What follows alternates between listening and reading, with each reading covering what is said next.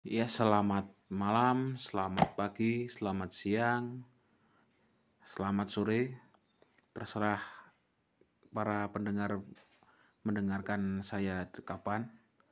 Kembali lagi bersama saya, John Takfor Sangkali, dan teman saya. Eko Budi. Nah, kembali lagi di MPDG Podcast. Untuk episode kali ini, kita akan membahas tentang kota kita mas. Wah. tahu nggak mas Eko itu kota kita mau ulang tahun nih? Aduh, saya sebagai orang Temanggung nih agak sedikit kurang update juga kalau besok itu udah mau memperingati hari jadi Kota Temanggung yang kesekian kalinya berapa saya juga tidak ingat. Oleh karena itu di sini saya ingin bertanya-tanya kepada Mas Adi mengenai hari jadi Kota Temanggung. Oh iya Mas Adi, saya ingin bertanya. Ini hari jadi Kota Temanggung yang ke berapa kali sih? untuk tahun ini 2020 ini itu ke 186 mas. Walaupun kayaknya baru kemarin 185 ya mas. Itu karena mungkin ya masih pandemi ini ya. Jadi kan waktu tahun 2020 ini kayaknya cepet banget.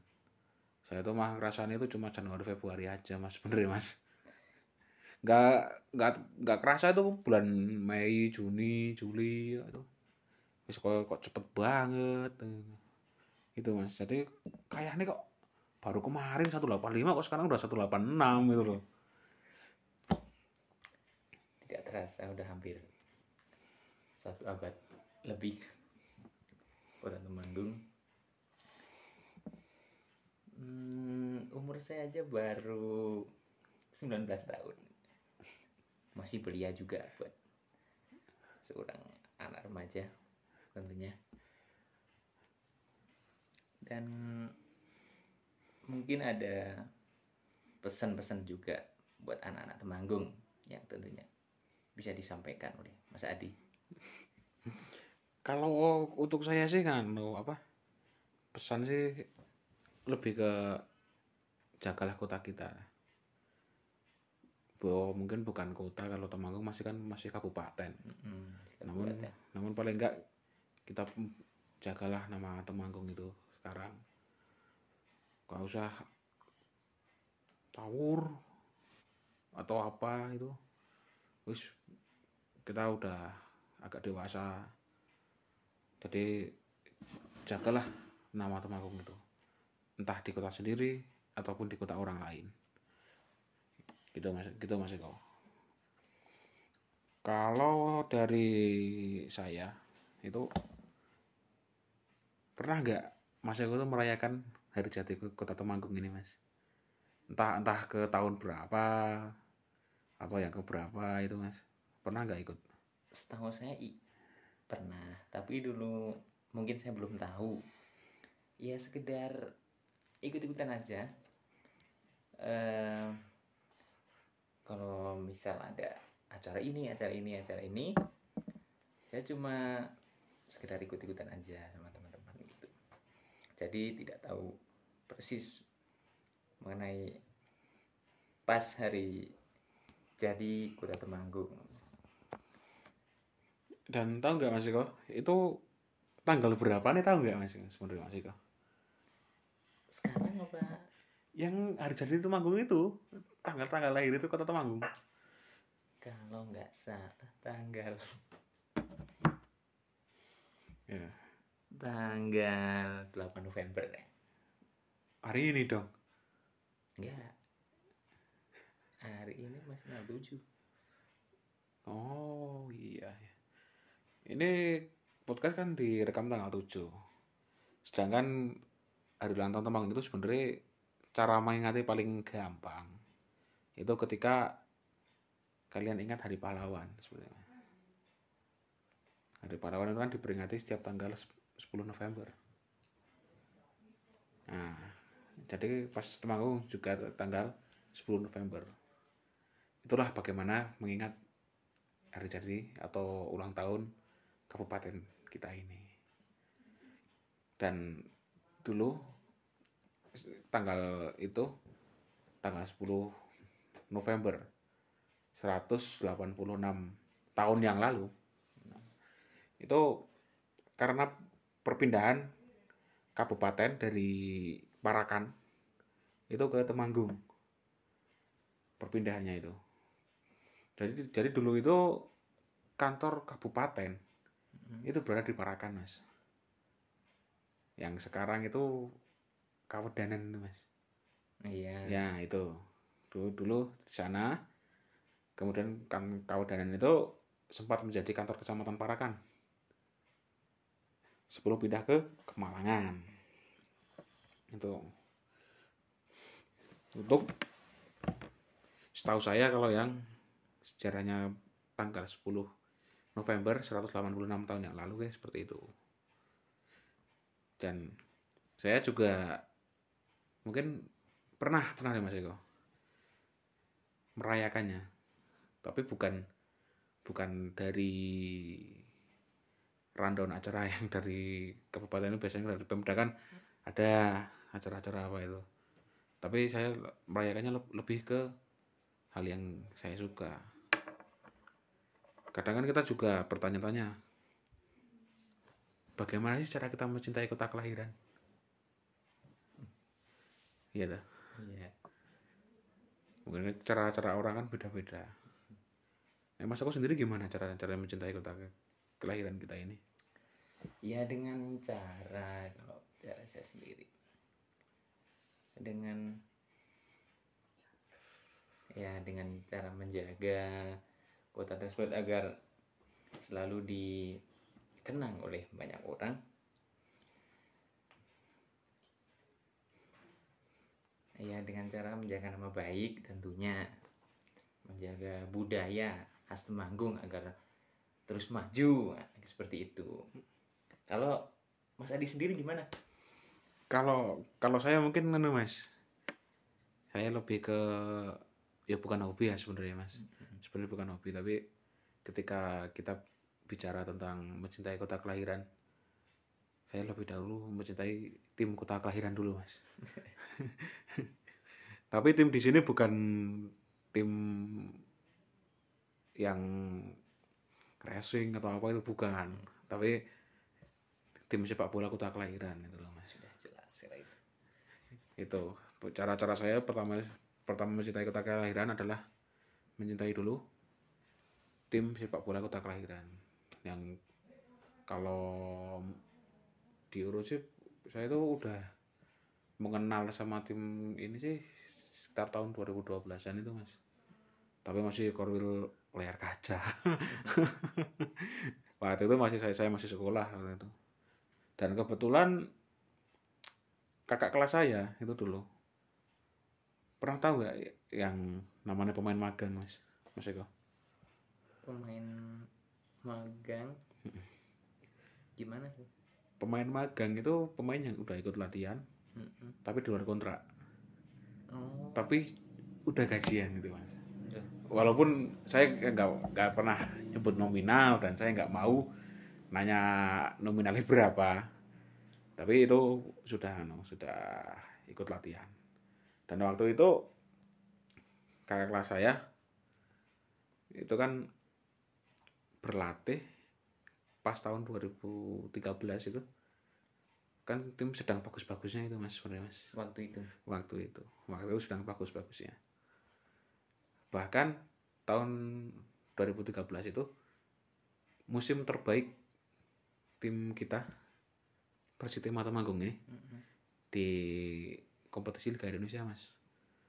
Waktu itu kan berada di divisi utama. Ya divisi utama.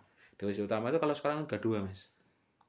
Kalau sekarang Liga 2 karena kalau Liga satunya itu kan dulu masih namanya Liga Super ya. ISL ISL yang pas dualisme itu kan kan juga pas itu kan dualisme sebelum dibekukan. Kan dua kali dibukukan dua kali dibukukan yang pertama itu pas ada IPL sama ISL itu mas. Dan liga liga resminya itu yang ISL nah itu pas 2013 itu kakak kelas saya masuk pemain magang gitu loh Oh iya. Tapi kenapa seiring berjalannya waktu sepak bola Temanggung ini bukan semakin baik tapi malah agak menurun gitu, Mas Adi? Kalau itu saya juga masih belum menemu jawabannya mas. Walaupun saya punya link di manajemen, punya link pemain, itu saya masih belum belum bisa menemukan jawaban yang valid. Dan itu mungkin saya masih mencari jawabannya lah mas. Jadi masih dipertanyakan ya. Masih dipertanyakan itu. Karena mungkin setahu saya itu kalau prestasi itu bukan prioritas mas sebenarnya mas. Soalnya kalau kita ikut liga, contoh aja mas waktu itu divisi utama lah, itu ada 8 grup. Satu grup paling enggak itu ada 8 tim. Itu kalau di total itu ada 64 tim. Hmm. Sedangkan yang lolos ke Liga 1 di Liga Jarum itu, Liga Super Liga satunya itu, itu paling cuma tiga tim. Tiga banding 3 per 64 itu kan satu banding 20 itu mas. Dan dan kita juga tahu kalau finansial kan itu udah mempengaruhi segalanya itu mas. Itu. Namun kalau kita berbicara tentang pemain itu, Iya. kita bicara tentang pemain. Itu yang tadi tak ceritain itu pemain magang itu kakak kelas saya itu. Kalau pagi itu sering meninggalkan pelajaran mas. Jam pertama kedua itu meninggalkan pelajaran. Itu latihan sama Presitima nanti kalau latihannya selesai dia balik lagi ke sekolah. Itu hampir tiap hari itu mas. Tapi itu dapat izin dari sekolah apa emang dia bolos atau gimana? ya itu biasanya udah dapat izin. Apalagi udah tahu kalau itu pem- masuk di squad itu. Hmm. dan waktu itu kan salah satu daya tarik masyarakat. Pas itu kalau teori saya mas itu kan ada pemain asing mas bener mas. Itu. Dulu kan masih ada di divisi utama itu masih ada kota pemain asing. Jadi kan selain melihat punggawa-punggawa lokal ki- kita juga melihat beberapa pemain asing gitu loh yang bertanding di liga dan ya teman saya ini di salah satu pertandingan mas. Di salah satu pertandingan itu ketemu sama idolanya mas. Siapa? nah teman saya itu kan posisinya kan back kiri. Hmm. back kiri. Back kiri kalau idolanya itu di luar negeri itu Roberto Carlos. Gitu. Sedangkan yang main di liga lokal itu dia ketemu sama Patricio Jimenez tahu gak masih ke Patricio Jimenez siapa Saya kalau dibilang nggak tahu ya gimana ya? ah itu itu kan pemain-pemain yang zamannya masih kau paling baru masih PAUD itu. Dia dia udah berkelana di satu tim ke tim yang lain di, di Liga Indonesia. Itu posisinya juga back kiri. Tapi pas saya nanya itu itu bukan yang masih di Persitara waktu itu. Uh enggak mas udah pindah ke Persib Pekalongan. Oh, tapi kan mas ketemu tuh sama idolanya oh iya mas pasti ketemu. Gitu. Jadi kalau kita berbicara tentang mencintai kota kelahiran itu nah cara saya adalah pertama kali melalui hobi mas. Hmm, iya. hobi kita apa itu yang kita salurkan. Soalnya kalau kita secara menyeluruh bagaimana cara kita mencintai kota kelahiran? Itu banyak sekali. Banyak sekali cara. Sedangkan cara yang paling mudah adalah melalui hobi kita.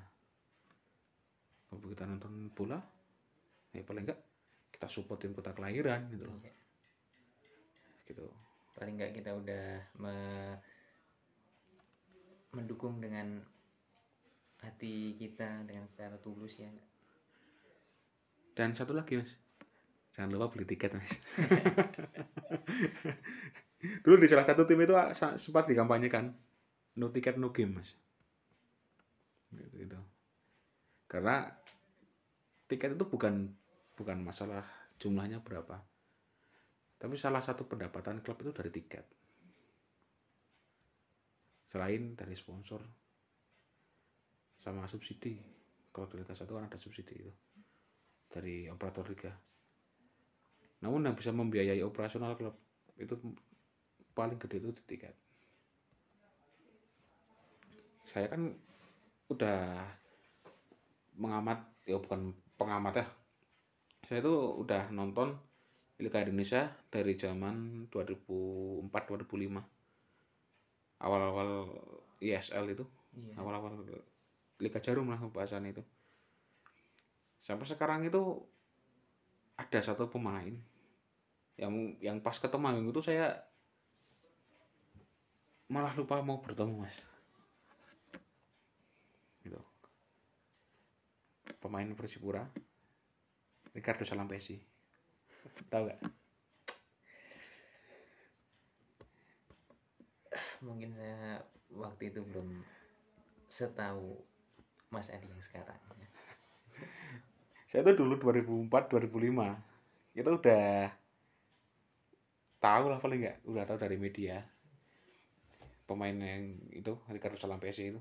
Sampai sekarang itu hampir 14 15 tahunan ya. Ya. 15 16 ya sekitar segitu. Itu masih di divisi teratas mas. Dan pas Persipura uji coba di Temanggung itu. Hmm. saya saya lupa mau mau minta foto mas sebenarnya. mas karena saya waktu itu fokusnya malah ke buah salusa. Jadinya nggak fokus ke pemain yang lain. Walaupun yang datang itu sebenarnya pemain-pemain yang didaftarkan di Liga 1 tahun itu mas. Karena itu kan pas jeda kompetisi kan Piala Presiden. Itu main di Magelang. Pas main di Magelang itu homebase kan homebase kan di Stadion Gemilang. Training training centernya kan di sana. Pas itu dapat friendly match. Main di Temanggung. Saya lupa kalau Ricardo Salampesi ikut gitu loh. Yo bukannya lupa. Fokusnya saya ke Boas bukan ke pemain yang lain. Jadi ini ketika pas di bawah itu saya punya akses di, di bawah waktu itu. Wis, udah udah nggak ada Boas ya ya wis lah. Nggak nggak mau cari yang lain tuh mas. Gitu. Oh iya katanya eh, dengar-dengar Mas Ari ini ikut aktif juga dalam organisasi eh, supporter Persitema ini. Oh iya mas, jadi kalau itu saya sekarang ya bukan menjabat ya, ngerewangi aja karena saya kan militan dadakan mas sebenarnya saya mas, baru militan 2018 saya itu masuk. Sedangkan senior-senior saya udah paling enggak udah 10 tahun di situ. Kalau organisasi yang mendukung tim kota kelahiran kita ini Persitema Iya. itu kan bernama Tasmania. Temanggung Supporter Mania jadi singkat Tasmania. Tapi nggak pakai Z. Ya, pakai pakai ini S. Yes. Tasmania. Itu loh. Ya saya baru berkecimpung itu sekitar 2018 sampai sekarang. Masih junior sama sebenarnya mas namun kan ketika kita berbicara tentang supporter itu bukan bukan masalah kita ego atau sangar-sangaran atau gimana. Tapi kita kita lebih ke seduluran mas. Seduluran. Ya seperti menjalin silaturahmi ya iya. Itu termasuk yang saya cerita kemarin ke Seragen itu mas. Kita sebenarnya juga menghadiri acara supporter oh ya waktu itu. Ah, yang ke Seragen itu. Yang pas itu ketemu sama beberapa teman. Dari supporter yang lain dari tim yang lain itu. Sampai itu ya saya tak ceritain ketemu sama yang punya kelaten itu mas. Itu. Jadi kan kita bukan jor kakak-kakahan atau gimana menyebut diri kita sebagai seorang supporter bola tapi saya itu lebih ke seduluran ketika kita di stadion ya kita mendukung. Tapi ketika di luar balik lagi mas. Ke pekerjaan masing-masing. Gitu. Jadi di dalam organisasi ini tidak ada batasan usia? Nggak ada. Selagi kita masih mencintai tim kota kelahiran kita masih support gitu. Dan jangan lupa beli tiket ya.